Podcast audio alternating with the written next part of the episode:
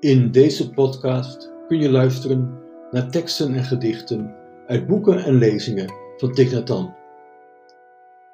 Een paar minuten waarin je bewust kunt zijn van wat Thich Nhat Hanh, Thai, ons aanreikt.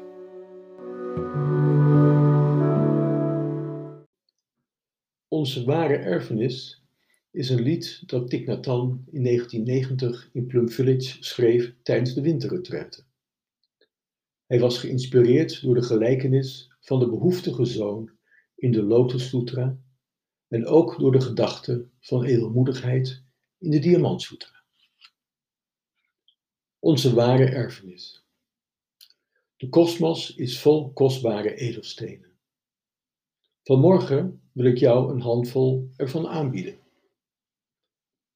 Elk moment dat je leeft is een edelsteen die glanst door aarde en hemel water en wolken en ze alle bevat. Daarom moet je zachtjes ademen, want zo worden de wonderen zichtbaar. Plotseling hoor je de vogels zingen en de pijnbomen chanten. Zie je de bloemen bloeien, de blauwe lucht, de witte wolken, de glimlach en de prachtige blik van je geliefde. Jij, de rijkste persoon op aarde, die rondtrok, belend om voedsel.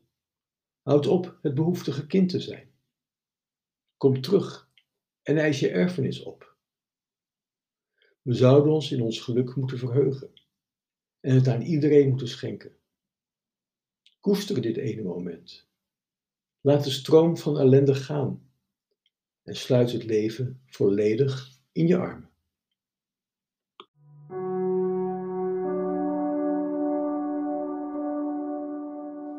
Bedankt voor het luisteren. Meer informatie over Thich vind je op onze website, Facebook en Twitter. Tot volgende keer en tot die tijd Meta en alle goeds.